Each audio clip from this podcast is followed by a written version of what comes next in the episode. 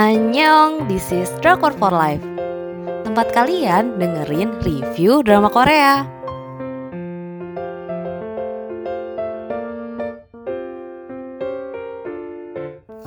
Review drama Korea Bulgasal Immortal Soul. Permainan takdir dalam reinkarnasi dengan saluran penyiaran TVN tanggal penayangan 18 Desember 2021 sampai dengan 6 Februari 2022. Untuk jumlah episodenya ada 16 episode untuk ratingnya 4 dari 5. Aku bakal bacain sinopsisnya. Lahirlah anak dari ibu yang sudah meninggal. Semua orang berkata bahwa ia mendapatkan kutukan bulgasal. Ia membawa kesialan dan kematian. Kemudian anak itu dibuang oleh ayahnya dan hidup dalam pengasingan tanpa nama. Hingga akhirnya dia ditemukan oleh seorang prajurit. Dia diangkat menjadi anak dan diberi nama. Dan Hwal. Hwal kemudian tumbuh menjadi prajurit yang kuat dan bertugas untuk membasmi monster.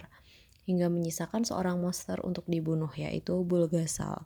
Tapi Bulgasar adalah makhluk abadi yang tidak bisa mati. Saat perburuan mencari Bulgasar justru anak dan istrinya terbunuh dan ditusuk oleh Bulgasal. Bukannya mati, justru Bulgasal menukarkan jiwanya.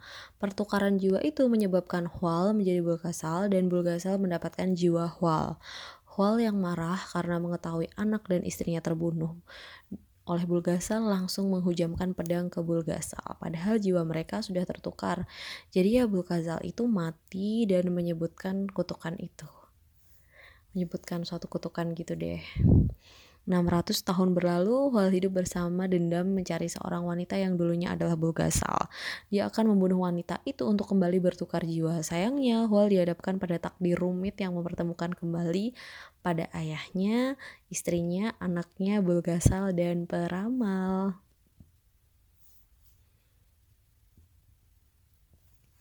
Alur ceritanya bisa aku aku bilang bikin penasaran sih jadi tuh gini alur ceritanya ini beda dan nggak template kayak drama-drama biasanya apalagi endingnya aku bener-bener nggak punya pikiran ataupun bahkan tebakan gitu loh endingnya bakal dibawa ke mana dan cerita legenda makhluk mitologi ini tuh something new banget bagi aku. Awal drama ini muncul banyak yang bandingin sama Goblin.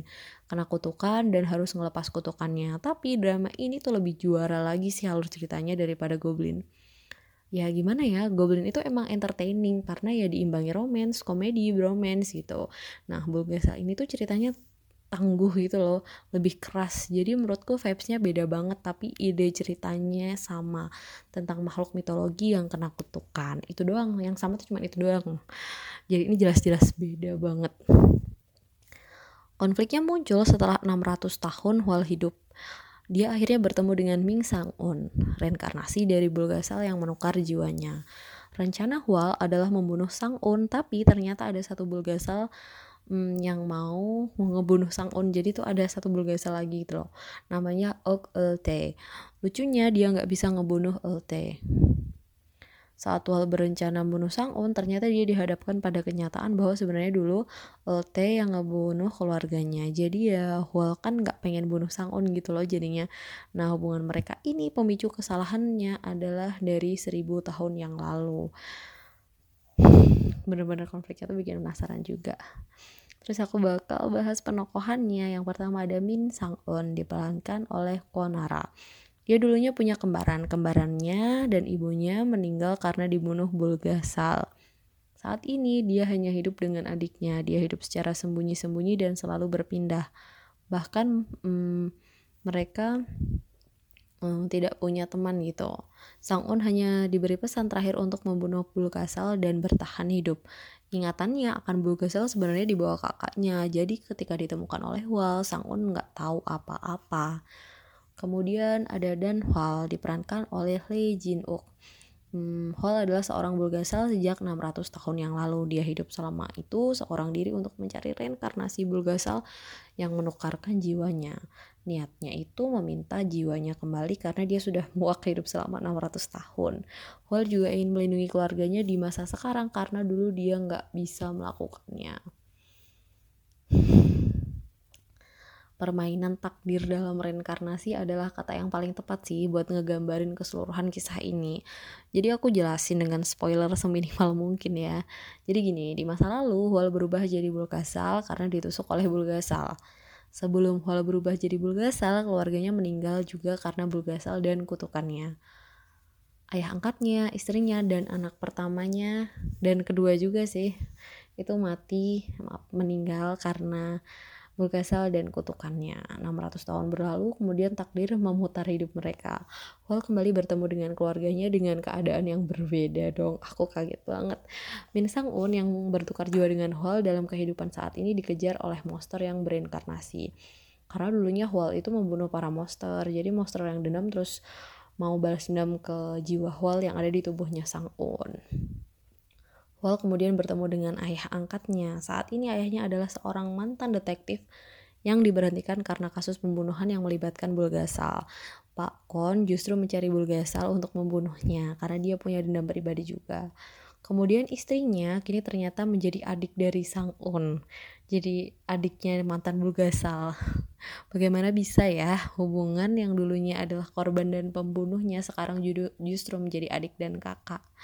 Dan ter speechless adalah anak Hwal yang terlahir buta. Dia juga ketemu di masa ini. Bener-bener reinkarnasi yang mengaduk-aduk takdir sih ceritanya. Setelah nonton drama ini aku tuh tambah penasaran sama yang namanya reinkarnasi. Emang kalimat itu nggak asing kan ya, apalagi bagi kita yang sering nonton drama atau tontonan dari Asia Timur kayak Jepang, Korea, dan China. Ya emang sih intinya reinkarnasi itu ya terlahir kembali aneh percaya nggak percaya sih apalagi di agama aku uh, di agama yang aku percaya nggak mengimani konsep reinkarnasi. Tapi aku masih penasaran soalnya beberapa ilmuwan tuh sampai nekat meneliti gitu tentang ingatan masa lalu seseorang. Bahkan penelitiannya itu hmm, dilakukan oleh orang-orang barat gitu. Bahkan sampai jadi berbuku-buku tuh penelitiannya jadi aku bakal bahas tipis-tipis aja ya. Jadi ternyata konsep reinkarnasi ini dipercaya sama beberapa agama seperti Hindu dan Buddha, tapi reinkarnasi mereka tuh beda konsep. Untuk agama Hindu mereka percaya kalau reinkarnasi adalah bentuk karma yang terjadi karena kehidupan sebelumnya. Kalau sebelumnya jadi orang baik ya di kehidupan selanjutnya dia bakal dapat kenikmatan. Sedangkan untuk agama Buddha konsepnya adalah kehidupan itu terus-terus terus menerus. Maafin aku. Bahasanya tuh tumimimbal terus menerus dilahirkan hingga mencapai tingkat kesucian. Terus ya konsepnya sama dilahirkan sebagai apa juga tergantung amal ibadah masing-masing. Amal ibadah banget nih. Kalau di drama ini nggak ada fokus tentang agama cuma intinya mereka percaya reinkarnasi dengan konsep karma. Ya Wal menanggung karmanya sendiri tanpa tahu ternyata ya gara-gara dia semua ini. Mengsedih banget Oh ya, aku punya artikel yang nice tentang reinkarnasi. Kalau kalian penasaran ataupun pengen baca, kalian bisa secara personal menghubungi aku atau gimana lah ada nanti ada di Instagram kita atau lewat blog kita gitu. Kemudian mereka yang terikat di masa lalu pasti akan kembali bertemu di masa selanjutnya. Jadi itu setelah 600 tahun berlalu, Hwal dihadapkan dengan kenyataan keluarganya yang dulu dikumpulkan lagi bersama Hwal. Um, dalam keadaan yang berbeda gitu. Antara sedih dan happy ya heartwarming banget sih mengingat mereka nggak ada ikatan darah tapi bisa sekeluarga ini. Tapi juga sedih karena ini bukan akhir masih ada yang harus diselesaikan lagi di akhir untuk menyelesaikan urusan Bulgasal ini. Karakter yang paling perih e, kontribusi banyak Bombay adalah karakternya Bibi Lee Hyesok e, dan Nam Toyon aku nggak mau spoiler tapi ikatan mereka sama Hwal ini bikin pengen nangis banget. Momen sama Hwal bagi Bibili itu uh, ketika kamu hidup selama lamanya jadi kayak kan jadi Bibi Lee ini tuh dia dulunya pramal itu loh.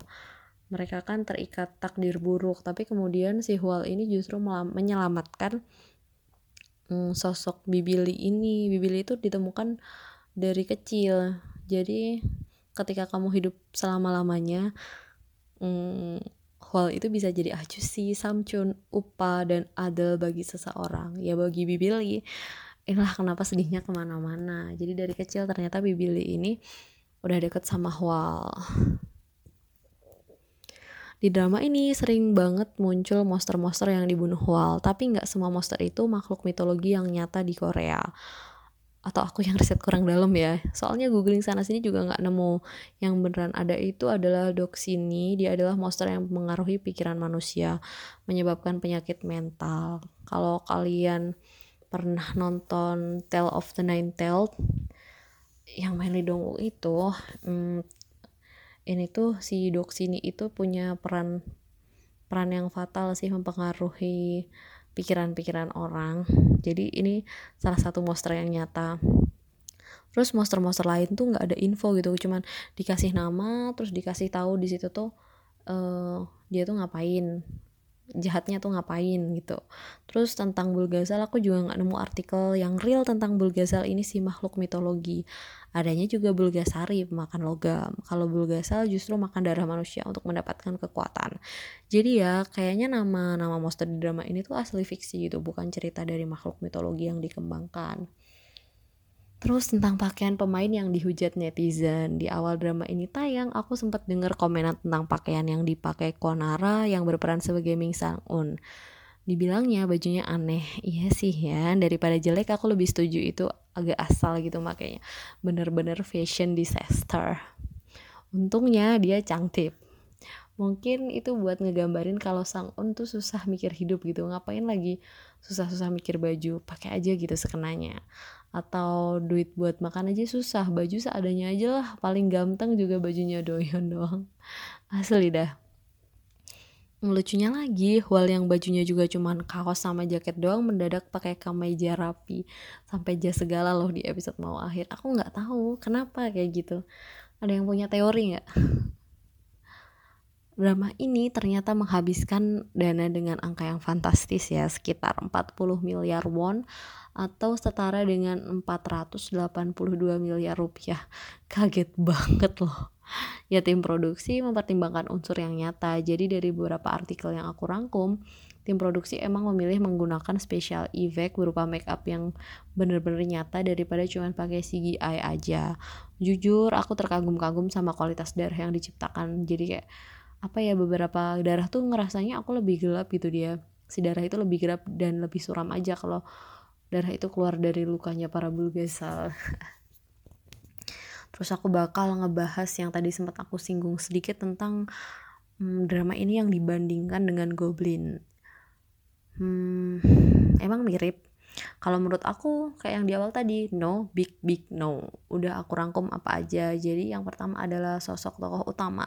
Sosok Bulgasal versus Goblin. Meskipun sama-sama dapat kutukan tapi pencarian wanita antara Bulgasal dan Goblin udah 100% beda. Kim Shin kan untuk melepas kutukannya harus ketemu sama istri Goblin yang entah siapa itu. Nah, si Hwal untuk melepas kutukannya harus ngebunuh Sang Un dan menukar jiwanya gitu kan. Nah, dari sini nih muncul selanjutnya vibes dramanya jelas beda. Dari cara tokoh utama melepas kutukan udah beda kan, tentu aja beda arah poin fokusnya. Di Goblin ketika tujuannya nyari istri ya jelas dong bakal romance yang jadi dominan. Sedangkan Bulgasal ini lebih ke balas dendam. Jadi vibe-nya emang udah beda banget, banget, banget. Terus tentang bobot cerita. Jadi bobot ceritanya ya, kita bakal sering ngakak di Goblin. Nah, buat di Bulkasal kayaknya cuma berapa scenes doang dong komedinya. Nggak sampai 10% kayaknya dari total seluruh drama. Beneran ya, Bulgasal ini lebih berat. Tapi kedua drama ini sama-sama entertaining. Tapi dari sudut yang berbeda gitu. Terus poin fokusnya love versus family. Jadi kalau Goblin tuh lebih ke hubungan Kim Shin sama Entak. Nah kalau Bulgasal ini justru hubungan Hwal dengan keluarganya, keinginannya buat melindungi keluarganya. Jadi lebih family oriented gitu loh, lebih kerasa heartwarmingnya menurut aku. Kan beda kan. Jadi menurut aku yang nyama-nyamain kalian cuma nonton trailernya doang paling aku sebagai penonton beneran dibuat penasaran sama alur ceritanya. Di episode 16 kita bakal dibawa ke cerita seribu tahun lalu. Akar permasalahan Hual dimulai. Ini tuh kayak tertampar kenyataan sih.